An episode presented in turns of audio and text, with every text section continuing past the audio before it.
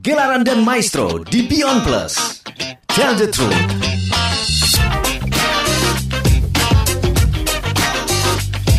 Halo sahabat musik, saya Heru Cahyono, tuan rumah gelaran dan maestro di Beyond Plus.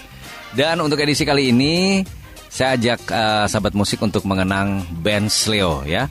Ben Sleo ini adalah seorang uh, pengamat musik yang sudah tidak asing lagi dan banyak hal-hal positif yang sudah dia berikan kepada industri musik di Indonesia. Ya. Nah, Ben Sleo yang punya nama asli Benedictus Beni Hadi Utomo meninggal dunia pada hari Senin 29 November 2021 di usia yang ke-69 ya. Karena terpapar COVID-19. Kita ikut berduka dan dunia musik sangat kehilangan atas kepergian dari Mas Ben Sleo. Nah, sahabat musik, Ben Sleo ini mengawali karirnya sebagai pengamat musik dengan terjun sebagai jurnalis di majalah Aktuil.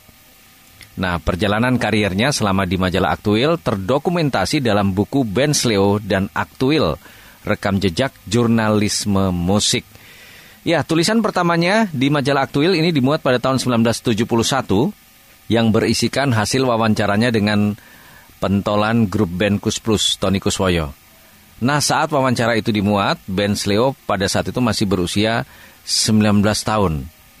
Nah, sejak saat itu Ben Sleo produktif menulis di Aktuil, baik berupa wawancara, liputan, maupun informasi seputar musik dan film di rubrik Indo Pop. Di tahun 1976, Ben Sleo mendapatkan kesempatan liputan pertama ke luar negeri mewakili majalah Aktuil meliput World Popular Song Festival Tokyo. Nah, dalam perhelatan musik dunia itu, Indonesia hadir dengan lagu Renjana, karya Guru Soekarno Putra yang dinyanyikan oleh Grace Simon dan Idris Sardi sebagai arrangernya. Laporan detail liputan acara yang diselenggarakan di Nippon Budokan Hall sekitar tanggal 19 sampai 21 Agustus 1976 itu kemudian dimuat di Aktuil edisi 210. Sahabat musik sebagai jurnalis musik banyak sekali karya tulisan Ben Sleo yang dimuat di berbagai media dan sejumlah musisi-musisi ternama tanah air pun juga tidak pernah luput diwawancarainya. Seperti Kus Plus, kemudian Panbers, Rasela, Gypsy, Barongs Band, dan masih banyak lagi. Dan di masanya, Ben Sleone juga pernah meliput Festival Lagu Pop Indonesia hingga pada 1974 ditunjuk sebagai anggota Dewan Juri di ajang tersebut.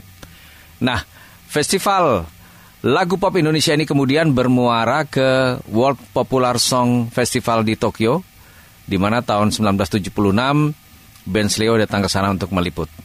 Karya Ben Sleo yang paling fenomenal ini tidak hanya terletak pada tulisan-tulisannya tentang musik dan juga musisi Indonesia, tapi Ben Sleo ini pun juga pernah memproduseri uh, band, beberapa band ya. Nah, di era 1990-an, beliau ini pernah memproduseri karya musik legendaris sampai sekarang. Karya musik itu adalah Cerita Cinta, album pertama dari grup musik Kahitna yang dirilis pada tahun 1993 bersama Musika Studio dan Edi Susilo, Benz memproduseri album berisi 10 track, termasuk lagu-lagu hits Kahitna seperti Cerita Cinta, Eya Eyo, dan Seandainya Aku Bisa Terbang. Menjadi produser album pertama Kahitna membuat Ben Leo mempunyai tempat tersendiri di hati para personel grup musik tersebut. Sebut saja Yofi Widianto dan Hedi Yunus misalnya menyebut uh, Ben Leo ini sebagai pahlawan musik pahlawan musik untuk Kahitna. Karena menurut Yofi, Ben Sleoni eksekutif produser awal album perdana Kahitna. Jadi jasa dari Ben Sleoni sangat luar biasa. Hal serupa juga disampaikan Hedi Yunus. Hedi Yunus mengatakan, Mas Benz ini adalah jurnalis senior yang banyak sekali jasanya bagi musisi Indonesia terutama yang lahir bermusik di tahun 80-an. Saya juga pernah punya kaset Makara Band ya. Jadi Makara Band ini adalah bandnya Hari Mukti di era-era 80-an lah. Ini juga uh, diorbitkan oleh band Sleo. Waktu itu Makara mengeluarkan album pertama yang berjudul Laron Laron dan itu satu-satunya albumnya Makara yang pernah terbit di industri musik Indonesia. Itu pun juga tidak lepas dari tangan dingin band Sleo. Makara pada saat itu ada Hari Mukti, kemudian Andi Julius, ada Kadri, terus ada juga Adi Adrian ya, pemain keyboard yang akhirnya bergabung dengan uh, Club Project. Nah, sahabat musik, band Sleo ini juga tidak suka dengan pembajakan ya banyak yang berpendapat bahwa aksi pembajakan tidak selalu berdampak buruk. Tapi bagi pengamat musik band Sleo, hal itu tidak bisa dibenarkan. Daripada melihat band yang naik daun karena pembajakan, bands ini justru lebih mengapresiasi band-band indie yang kurang terkenal. Nah, tidak hanya itu saja, band Sleo ini juga memuji musisi indie yang akhirnya berhasil merangsek naik jalur ke musik berlabel karena hal ini dianggap band sebagai pencapaian yang baik bagi seorang uh, musisi ya. Dia mencontohkan Superman is Dead ya, band pang asal Bali. Ini ternyata penjualan albumnya ketika berlabel bisa lima kali lipat dibanding sewaktu ada di indie. Jadi yang diharapkan band-band seperti inilah yang akan terus bermunculan di Indonesia dan tetap terus bisa berkarya. Nah, sebagai seorang pengamat musik yang terkenal, Ben Leoni sering dijadikan juri di dalam uh, festival-festival band atau ya kaitannya dengan festival musik lah. Salah satunya di ajang Polis Music Jakarta Festival yang diinisiasi Polda Metro Jaya. Nah, festival musik tersebut bertujuan untuk menggelorakan tertib berlalu lintas melalui musik. Benz ini mengatakan bahwa peserta yang terdiri dari kalangan mahasiswa sejabodetabek ini memang mendominasi pengguna jalan ya. Jadi diharapkan dengan ajang seperti ini mereka bisa paham artinya tertib berlalu lintas. Karena menurut Benz tidak banyak ajang perlombaan musik yang bertema. Ya dampaknya tingkat kesulitan akan semakin tinggi. Sebagai seorang pengamat musik, Benz Leo juga mengamati tentang banjirnya boy band dan juga girl bands baik itu yang datang dari luar Indonesia maupun yang ada di Indonesia sendiri. Ya, uh, sebut saja misalnya Seven Icon, Princess, Dragon Boys, Smash, ya kan, dan masih banyak lagi lah yang sempat mengebrak industri musik di tanah air. Nah, beliau ini mengkomentari kemunculan boy band dan girl band di Indonesia ini hampir semuanya berkiblat pada Korea. Ya, kalau menurut Ben Sleo, kehadiran beberapa boy band maupun girl band di Indonesia ini hanya sekedar numpang tenar. Ya, ini bisa dicontohkan ketika memasuki tahun 2014, boy band dan girls band yang sempat bikin heboh tiba-tiba satu persatu hilang entah ke mana. Nah ini menurut pengamat musik Ben Sleo, hilangnya boy band dan girl band ini lantaran para personilnya tidak berkarya dengan total. Buktinya dari kebanyakan lagu yang dinyanyikan oleh boy band maupun girl band bukannya diciptakan dari para personilnya sendiri, tetapi melainkan dari orang lain. Karena personilnya tidak total berkarya. Jadi para personil dari boy band maupun girl band ini lagu-lagunya sudah ada yang menciptakan. Jadi kesannya itu tidak berkreasi sendiri. Nah, kemunculan boy band dan girl band ini sebenarnya sudah pernah diprediksi oleh band Sleo sendiri.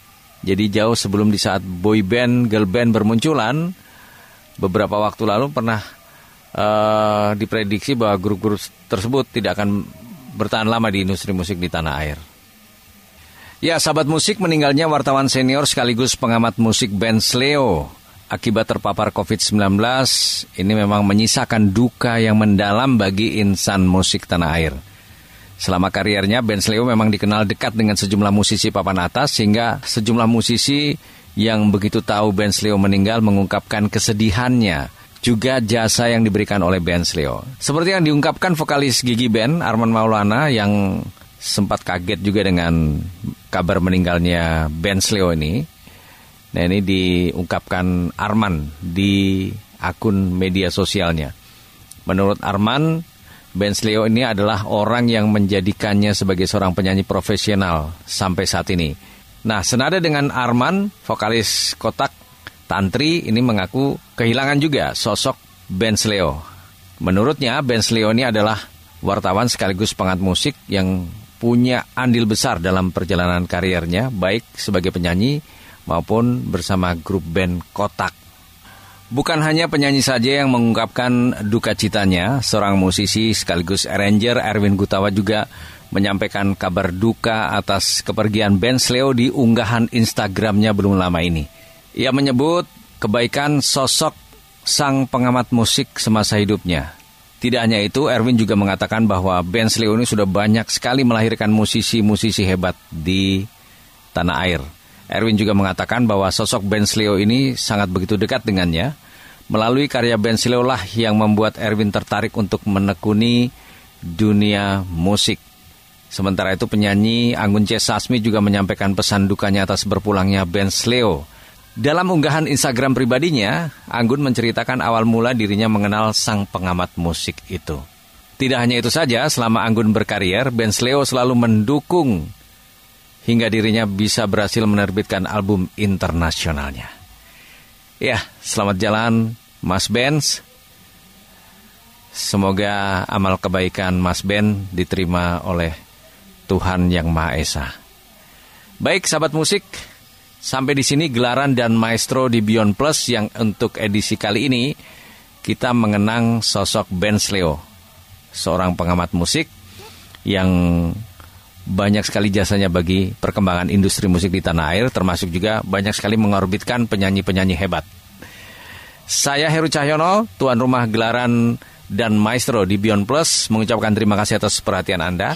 Sampai jumpa.